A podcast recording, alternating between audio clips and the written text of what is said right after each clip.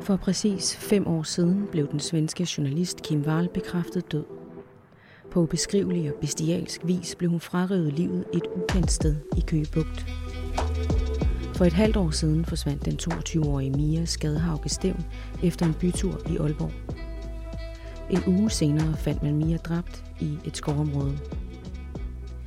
I 2016 forsvandt Emilie Mænd. Juleaftensdag, mange måneder senere og mange kilometer væk, blev hun fundet i et naturområde. For længst slået ihjel. Det er drab som de her, der fylder og forfærder. Men de fleste drab på kvinder bliver faktisk begået i relativ ubemærkethed. Og de bliver begået af dem, der burde elske dem allermest. Deres kærester, deres mænd. Et ægtepar i Horsens har levet sammen i mere end 30 år. De bor i et helt almindeligt parcelhuskvarter og har to voksne sønner sammen. Men da konen vil have en skilsmisse, skyder manden hende i ryggen med et jagtgevær. Den dræbte kvinde er forfatteren Niels Franks søster. Fanden tatter er hans nye bog. En beretning om et kvindedrab, og hvorfor det er så forbandet forudsigeligt. Niels, det er jo kun lidt over et år siden, at øh, din søster blev slået ihjel mm-hmm. af sin eksmand. Hvordan har du det egentlig i dag? Jeg oplever en, en form for ligesom, ødelagthed, som, som sikkert bliver permanent. Altså jeg kan ikke, jeg kan ikke mærke den, den altså sådan grundlæggende den store forskel. Det er klart, at jeg ikke sidder og græder hver dag, og øh, altså på den måde ligesom har det hængende udenpå.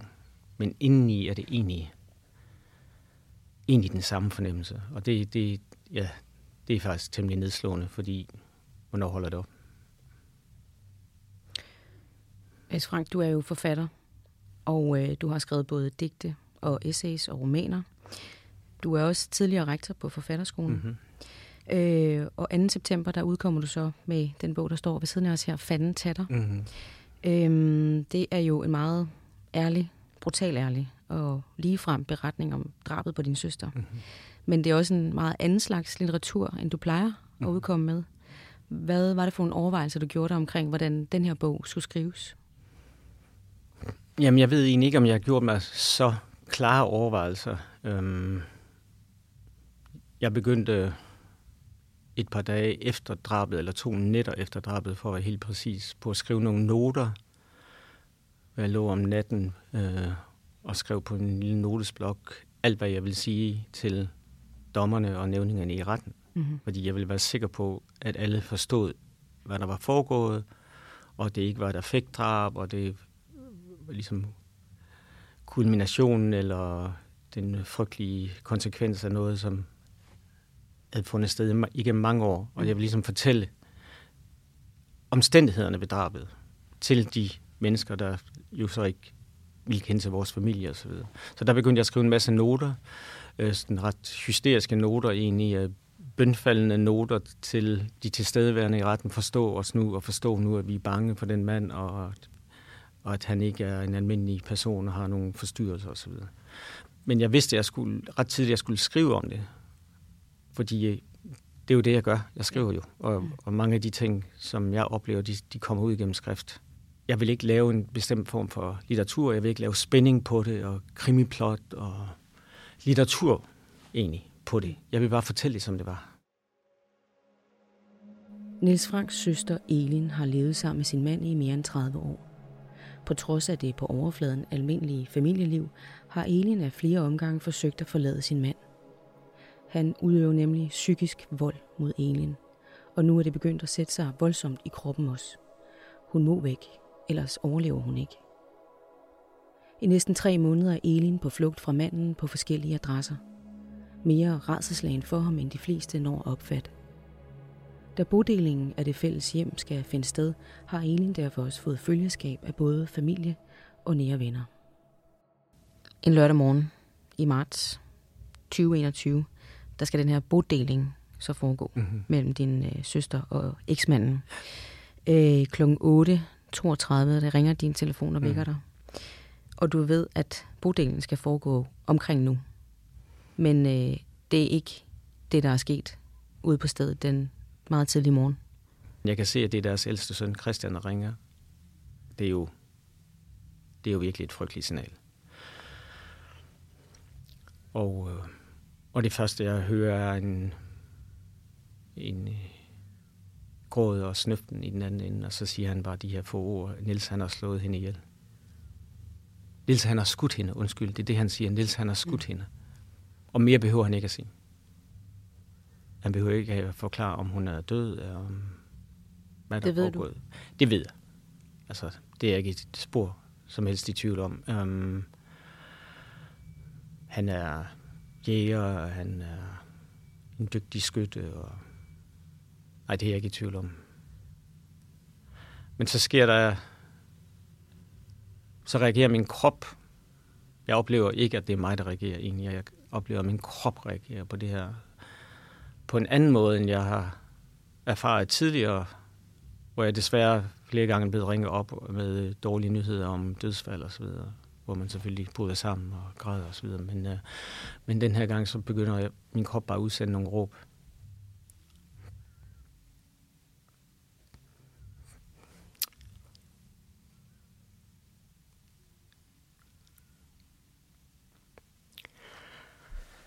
Ja. Bare tag dig tid.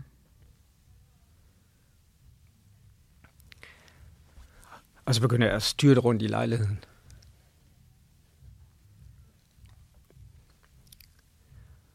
Rundt om spisebordet, og kan ikke finde ro. Øhm, og min kæreste over, hvor du faldt ned, hvad med naboerne, og, og jeg kan ikke, altså jeg trækker, jeg kan ikke få luft jeg kan huske, at jeg stod ude ved håndvasken og prøvede at drikke noget vand. Det er også en af de ting, han siger, drik noget vand, men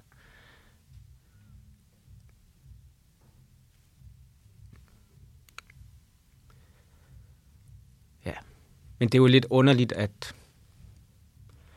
opleve, at, øh, at, at det er kroppen, der bliver chokeret egentlig.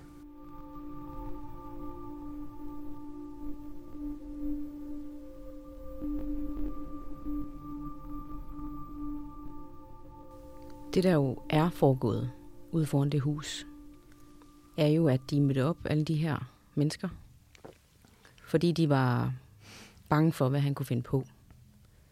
Og det var så med rette, kan man desværre konstatere. Ja. De øh, møder op. Han vil ikke lukke dem ind først. Mm-hmm. Så han begynder at tale om, at der er corona, forsamlingsforbud. Mm-hmm. Han ved godt, de kommer. Ja. Han ved også, hvem der kommer, ja. og hvad de skal. Ja. Anden gang, de forsøger at få ham til at komme ud, mm-hmm. øh, kommer han ud, åbner døren, mm. går ud og tror dem. Mm. Og de bliver så bange for ham, at de faktisk ringer til politiet og spørger, om de ikke kan komme ja. og ligesom være til stede, mm-hmm. når de skal ind i huset ja. og hente de her ja. ting. Ja. Øh, det når de ikke. De afviser faktisk at ville komme, fordi at de kan ikke komme ud til alle husbetakler, der foregår hele tiden. Præcis. På trods af, at de godt ved, at der er noget med den her familie. Mm-hmm. Øhm, han går ind igen, mm-hmm. og kort efter, meget kort efter, kommer han så ud med ja. et øh, oversaget jagtgevær. Og faktisk tror både sønner øh, og flere andre putter det helt op i hovedet på dem. Ja. Øh, til sidst går han så efter din søster. Ja. Hun løber ind til naboen. Ja, hun, er, hun, altså hun, har, hun har fået telefonen i hånden. Ja, fordi, øh, politiet er hans, stadigvæk i den ene ende. Politiet er stadigvæk på, og øh, det er hans søster, der ringer til politiet og beder dem om at rykke ud, fordi det her kan eskalere, det kan gå helt galt, og han optræder truende, og de kan jo mærke, at han ligesom er altså, forstyrret. Mm-hmm. Øhm, og, og da hun ikke kan trænge igennem over for den vagthavende betjent, der giver hun min søster telefonen, og, og han taler så med hende kort og stiller det spørgsmål, øh, er du tryg ved, hvad der foregår? Så siger hun, jeg er overhovedet ikke tryg. Ja. Og for det, for det øjeblik, hun har sagt det, til hun bliver skudt, der går der 17 sekunder. Det ved vi, fordi optagelsen bliver afspillet i retten, og alle kendskærne bliver lagt frem i retten. Ja. Så det går jo alt sammen utrolig hurtigt.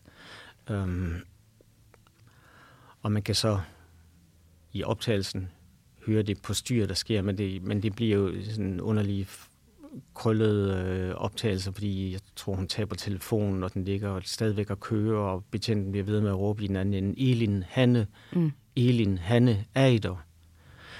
Øh, og det er de jo på mange måder ikke, og min søster er der jo slet ikke, fordi hun dør kort efter.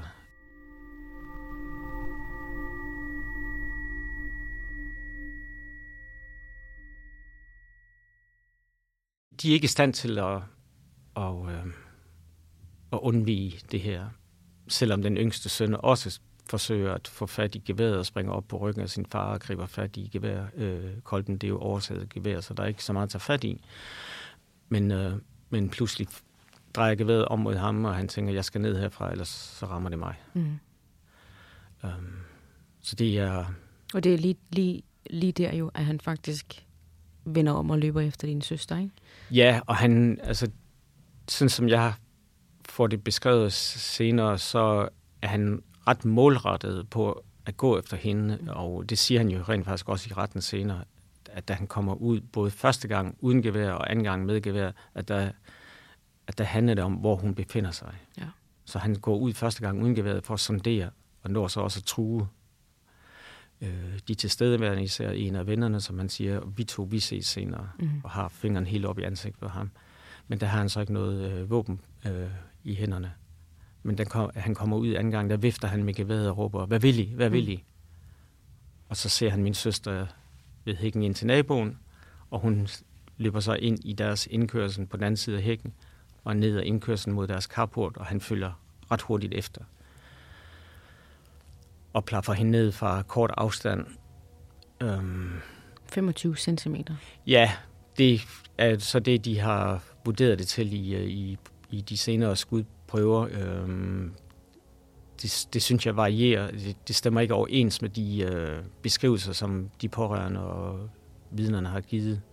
Men det, for mig er det jo lige meget, om det er 25 eller 50 eller 1 meter, øh, vi taler om.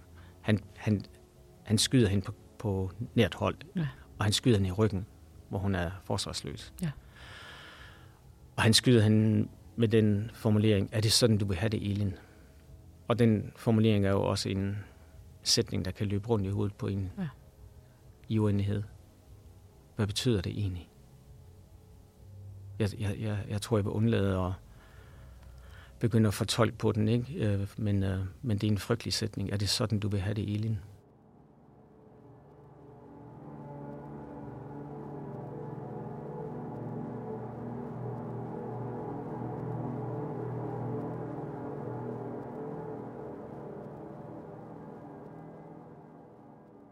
De havde jo boet sammen i det her, jeg ved ikke om i det her hus specifikt, men de havde i hvert fald boet sammen mere mm-hmm. end 30 mhm. år, ikke? Mm-hmm. Og de havde øh, fået to børn sammen. Mm-hmm. Øhm, et på overfladen jo fuldstændig nærmest ualmindeligt almindeligt liv. Ja. Yeah. Hvis man så udefra. Ja, ja, ja. Men øh, det var jo ikke normalt, det der foregik inde bag dørene. Jeg har selvfølgelig godt været klar over, at, de, at, at der var øh, ja, det lyder så øh, forkert at sige, at der var problemer i forholdet, fordi det er jo alt talt en eufemisme, en alt for formidlet mm. beskrivelse af det. Ikke? Jeg var godt klar over, at hun var presset af ham, og ydmyget af ham, og hånet af ham, og var bange for ham, og at hun brugte så meget energi på bare at undgå konflikter. Ja. Fordi det havde jeg observeret mange gange, når jeg havde besøgt dem. Øh, jeg var ikke klar over, at manden også optrådt fysisk voldelig i nogle andre sammenhænge. Jeg, jeg mener ikke, at han... Jeg har i hvert fald ikke selv hørt, at han skulle være have begået altså fysisk vold mod nogen i familien, men, men han har så haft en historik med at være truende, udvist truende adfærd på arbejdspladsen og forsøgt at køre en kollega af vejen, øh, selvom manden kom i sin bil med to små børn på bagsædet osv. Så der var en historik der, men det er jo først noget, jeg opdager i de uger, hvor hun er væk. Øhm, så der er foregået nogle ting bag den almindelige, normale overflade, øhm, som, øhm, som nogen kender til, og, og som ellers var nogenlunde skjult.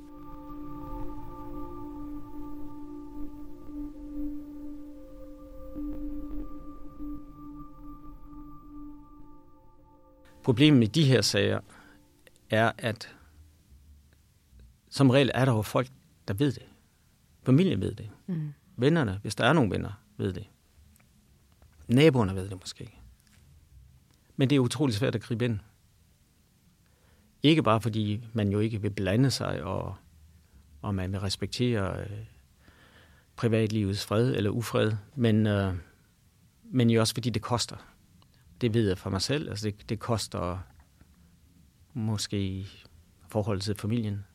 Fordi resultatet er jo, at man bryder med en, og så får man ikke set sin familie i så så lang tid. Så hvad gør man så? Det er jo det, der er sagen. I sidste ende, så prøver du bare at undgå konflikterne, og du øh, styrer ligesom udenom, og du reagerer ikke på det, og øh, du taler ham efter munden, og du prøver at dæmpe, hvis der er optræk til noget, afeskalere, og... Øh, men hele det fænomen med at undvige og dreje udenom, og, det er jo en del af hele syndromet, ikke? Altså med, med psykisk vold, at, øhm, at det er det, vi bruger al vores opmærksomhed på. Så vi kan ikke være sammen på en naturlig måde, fordi man ved ikke, hvornår bomben øh, eksploderer næste gang. Så vi bliver enige om, at hun i stedet for skal skrive et brev øh, om eftermiddagen, før hun tager ud af huset eller flytter ud, og, øh, og bare angive, at hun er okay, men hun har brug for frisk luft, og han behøver ikke at kontakte hende og være nervøs for hende, men hun har bare brug for at være sig selv et stykke tid. Og det, ligger, det brev lægger hun så på bordet, så han kan se, når han kommer tilbage fra arbejde.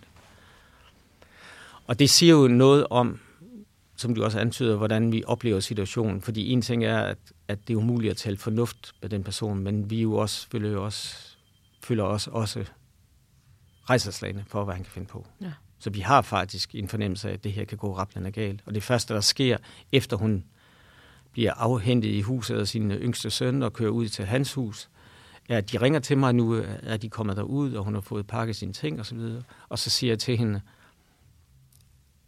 hvad tror du, han gør nu? Og hun svarer meget hurtigt, som om hun ligesom allerede har tænkt det. Enten så splitter han hele huset ad, eller så begynder han bare at græde. Mm. Og så sidder og tænker lidt over det og siger til hende, men der er jo også den tredje mulighed, at han sætter sig ud i sin bil og kører ud for at finde dig. Og hun svarer, siger du, at jeg ikke er i sikkerhed her? Så siger jeg, vi skal i hvert fald overveje, hvad vi gør.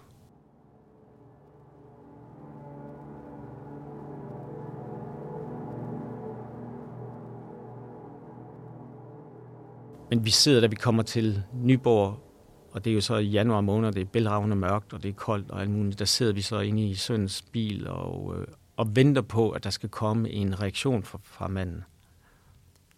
Hun fortæller, at han altid ringer fra arbejde, før han kører, kører fra arbejde og kommer hjem, at nu er han på vej hjem. Også. Men der kommer ingen reaktion. Og der kommer heller ikke nogen reaktion på det tidspunkt, hvor vi må formode, at han er kommet hjem og har set brevet. Altså han kontakter hende overhovedet ikke. Og det er selvfølgelig allerede underligt. Øh, hvad er det egentlig for noget? Hvorfor gør han ikke det? Og det har, jeg, det har jeg ikke noget svar på. Det finder vi sådan set aldrig ud af. Han påstår i retten, at han har ringet til hende flere gange, men altså, jeg har jo siddet ved siden af hende, og hendes telefon har ikke ringet. Øhm, og det, ja, det er jo allerede sådan urovækkende, fordi den naturlige reaktion vil vel være, at man ringer sin kone op og siger, hold op, mm. hvad sker der her, og kan vi da ikke lige snakke om det? Eller... Men der kommer ingenting.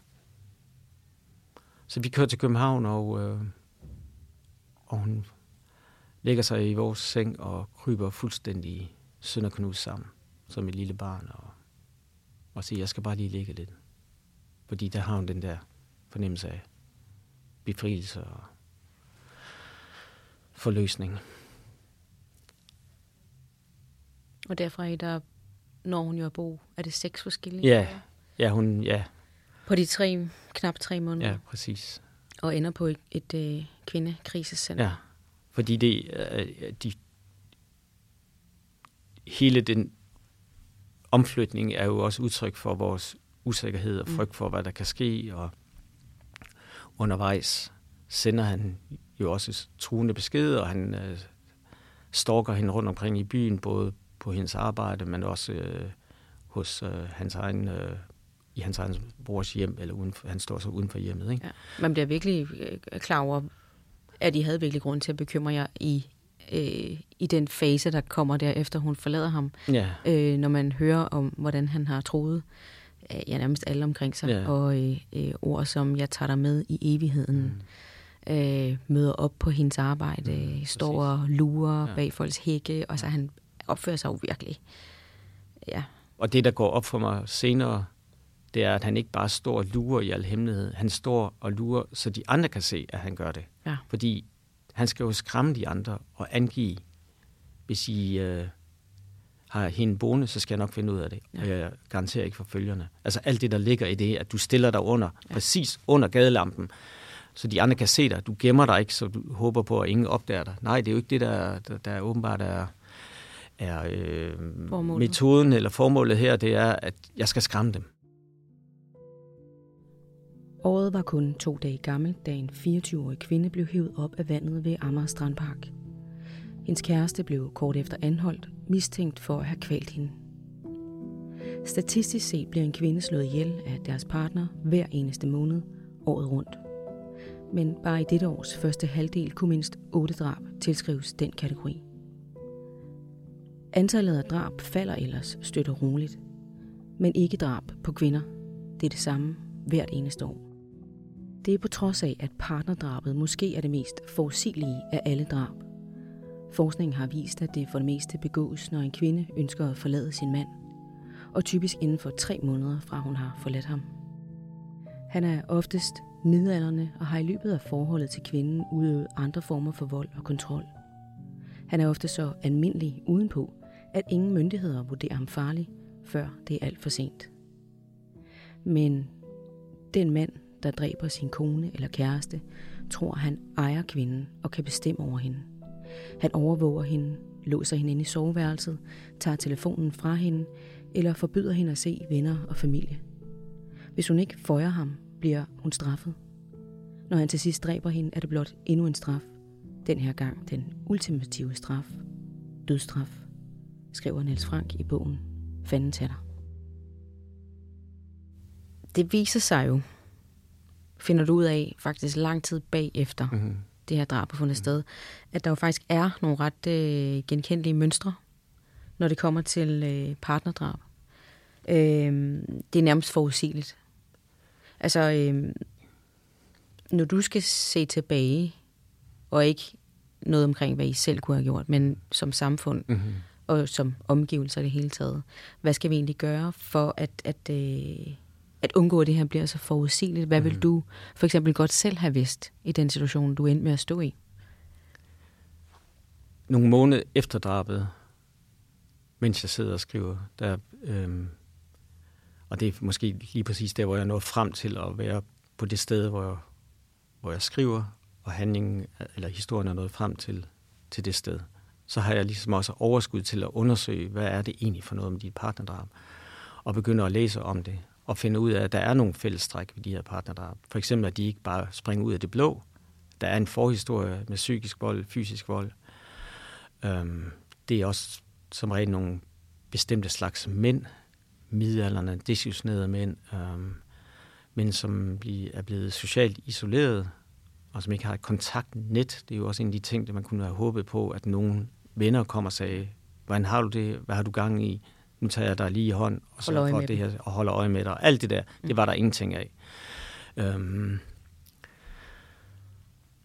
noget af det, det frygtigste i, fordi det er sådan en simpel viden, men noget af det frygtigste at finde ud af, det er, at der jo foreligger viden om, at de første tre måneder er de farligste for den kvinde, der var ladt sin mand.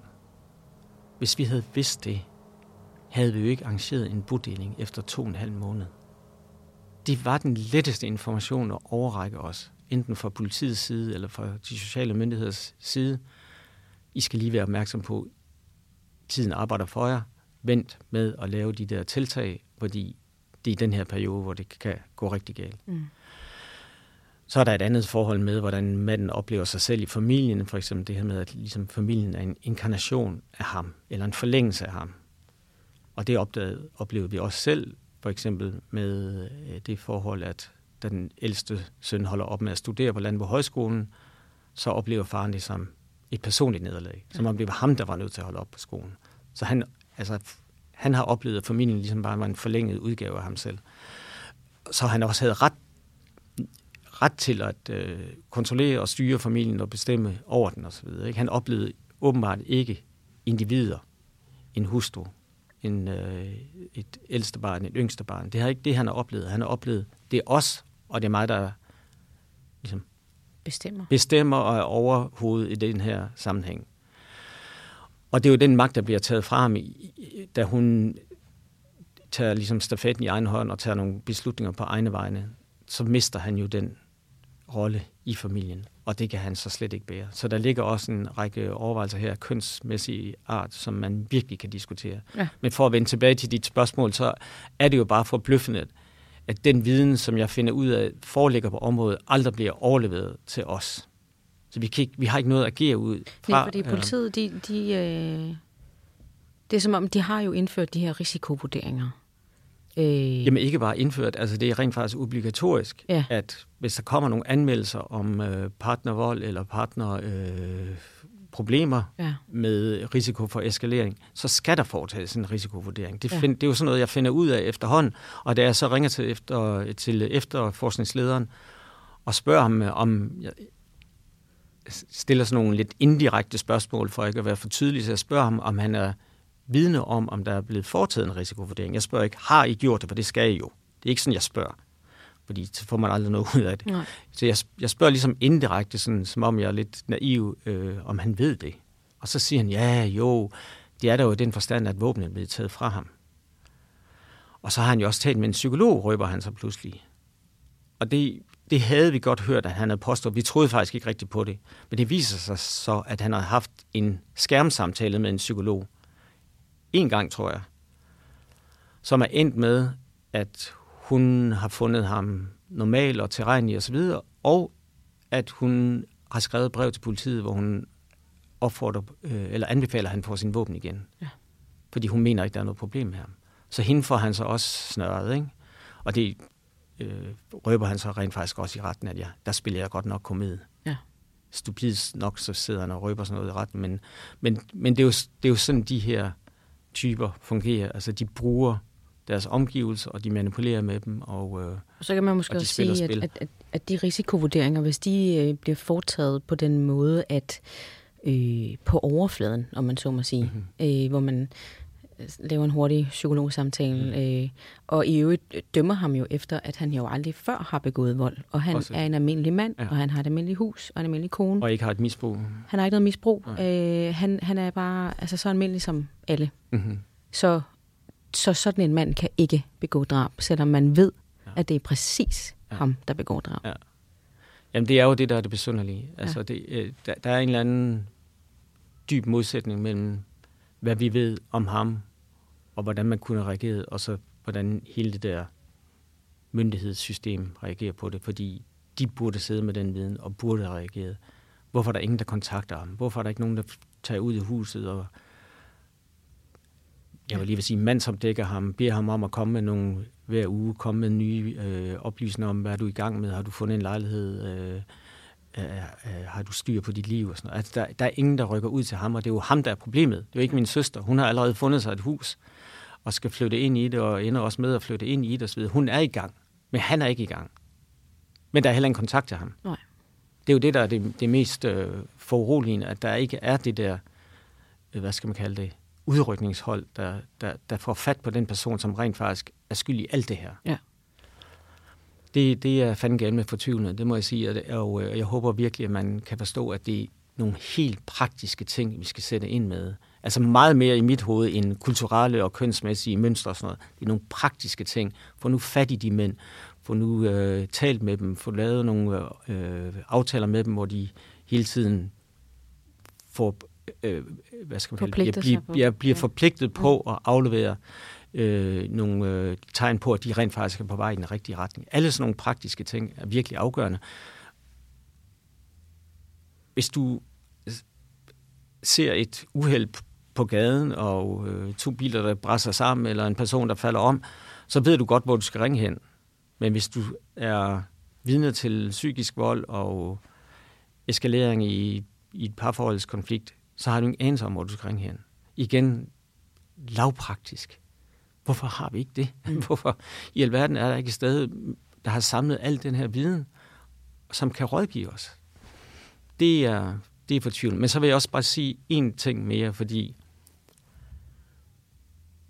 i sidste ende, så tror jeg desværre nok ikke, at det her drab kunne være undgået. Fordi det er også nogle særlige slags mænd. Den historien, der ligesom fulgte før vores oplevelser og drabet i medierne, handlede om en mand, som for anden gang slog en kvinde ihjel. Og den her gang havde han skåret hende op og båret hende oven på, på loftet eller på spåndplade, og de næste par dage legede han med sine børn.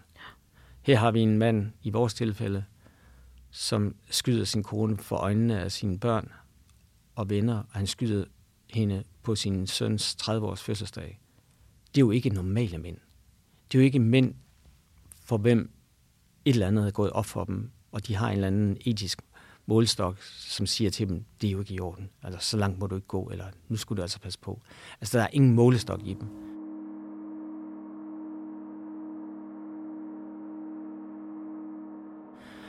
Øh, men det er et af de også fortvivlende, de fortvivlende omstændigheder i min oplevelse af hele det her forløb, er, at, at det, den del, synes jeg heller ikke rigtig er dækket ind øh, i, øh, i den måde, myndighederne takler det på. Altså, vores drabsmand, eller min søsters drabsmand, ja, vi er jo på en måde også skudt. Han bliver i mental erklæring øh, konstateret narcissistisk, barnagtig, men ikke farlig, ikke syg. Og så sidder der en hel række vidner og familiemedlemmer og forurettede, som har en, et fuldstændig andet indtryk. Og hvordan hænger de to erfaringer sammen? Det gør mm. de jo ikke. Og hvorfor gør de ikke det? Og hvad er det for et system, der kan... Og hvad bygger det på? Er det samtaler kun med manden? Hvorfor bliver familien ikke inddraget i mentaludredningen, hvor vi kan komme med alle de oplysninger, vi har? Det er jo sådan nogle ting, som... Jamen, jeg, jeg kan jo ikke andet undre mig. Jeg, jeg, kan ikke, øh, jeg er ikke politiker, og jeg er ikke øh, myndighedsperson. Jeg kan bare undre mig. Og være jeg selvfølgelig også pænt fortvivlet, og indimellem virkelig rasende. I retten øh, møder han jo op iført øh, joggingtøj og mm. en Føtex-pose, og ser det hele taget sådan rimelig synde ud. Øh, men I sidder jo der og er totalt rædselslagende for, ja. hvad han kan finde på. Ja. Altså den frygt, han har plantet i jer, den, er, den går over alt fornuft i forhold mm. til, hvad der normalt ja. foregår i en retssag. Ja. Ja. Øh, han giver heller ikke udtryk for, at han på nogen måde angrer sin øh, forbrydelse. Det er lidt mere andres skyld, at det ligesom er nået mm. så vidt. På et tidspunkt, der læser anklageren op fra et øh, 13-siders øh, sådan håndskrevne noter, mm-hmm. som han har siddet og forfattet mm-hmm. på et mhm. tidspunkt derhjemme. Mm-hmm.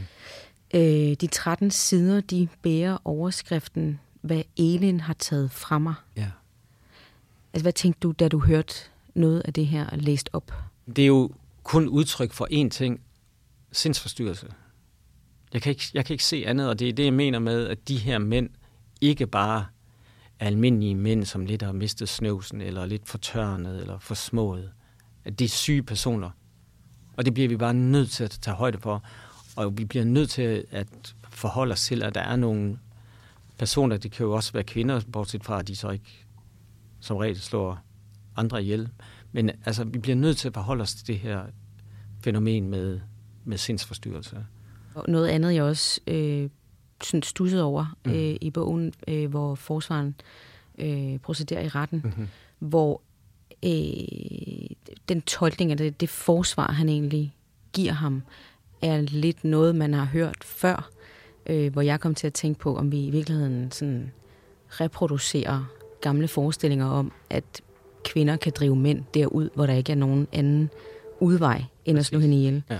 Altså han, han siger, han er en ganske almindelig familiefar, han har børn, han er ustraffet, han har aldrig vist tegn på vold, der er ingen voldsparathed hos ham, men han var nået til et bristepunkt i sit liv, og så gør han noget idiotisk. Han køber et gevær. Og han siger, han har lidt, han har lidt mm. et person, betydeligt tab, og han lider fortsat af det tab, mm. uanset hvordan man betragter ham som person. Det er ret hårde vilkår. Ja, man har bare lyst til at skrige, ikke? når man hører de beskrivelser. Og som du siger, det er ikke, det er ikke tilfældige øhm, undskyldninger. Altså det er rent faktisk forklarelse, en forklarelsesmetode, som, eller forklaringsmetode, som, som også er drevet, er drevet igennem det danske retssystem. Mm. Frem til 2010 får man, har man fået øh, to års rabat, hvis man har slået sin øh, partner ihjel, fordi retssystemet har tænkt, ja, men der foregår så meget i familien, det kan vi ikke finde ud af, og de er sikkert lige gode om det, og øhm, så det, det, det er ikke sammenlignet. Det foregår i effekt. Det er ikke sammenlignet med andre drab og sådan noget, ikke, som er iskolde osv. Men de er de jo. Mm. For de er også iskolde drab. Og det er drab, som ikke er foregået i effekt, men som springer ud af en lang periode med enten fysisk eller psykisk vold. Og det går så først op for højesteret i 2010, hvor de i en bestemt dom laver, eller afstår fra rabatten, og den har man så heller ikke givet siden. Men det er jo, altså det er jo også et mønster, kan man sige, ikke? som også handler om, at man ikke tager det seriøst med psykisk vold, og, og man vil heller ikke tage kvinder alvorligt, fordi det er det der med, som du selv siger, hvad har, hvad, hvad har hun egentlig gjort i det her forhold for at drive ham derud? Mm. Øh, har hun ikke selv en lille smule skyld? Altså det er jo egentlig beslægtet med øh, voldtægtssager, hvor øh, øh, indfaldsvinklen også kunne være, klædte du dig ikke lidt for udfordrende ja. på, og så videre. Ikke? Det er nok alligevel, du har nok alligevel en lille smule skyld i det her selv. Og den, den forklaring skal vi bare simpelthen have smidt ud, fordi det går ud over mennesker, og øh, det smadrer dem, og det slår dem ihjel.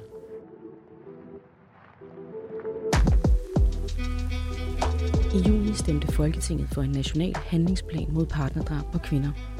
Der sker for mange kvindedrab, og noget tyder på, at en del faktisk kan undgås hvor man egentlig starter henne, om vi skal være mere opmærksomme, når kvinder er i voldelige og kontrollerende forhold, og derpå gribe ind, inden det uigenkaldelige sker, eller om vi skal skrue historien helt tilbage og tale noget mere om, hvorfor nogle mænd stadig opfatter kvinden som deres personlige ejendom.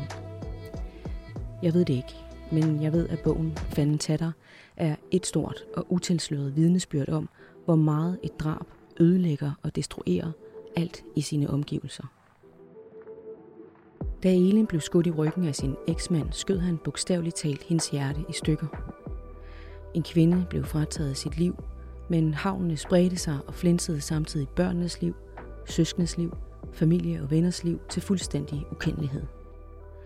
De sover ikke længere om natten. De er ramt af PTSD. De er bange for alt. Det var beretningen om et kvindedrab, og om lidt sker det igen. Du har lyttet til Bliksen eller Kaos. En podcast fra Gyldendal.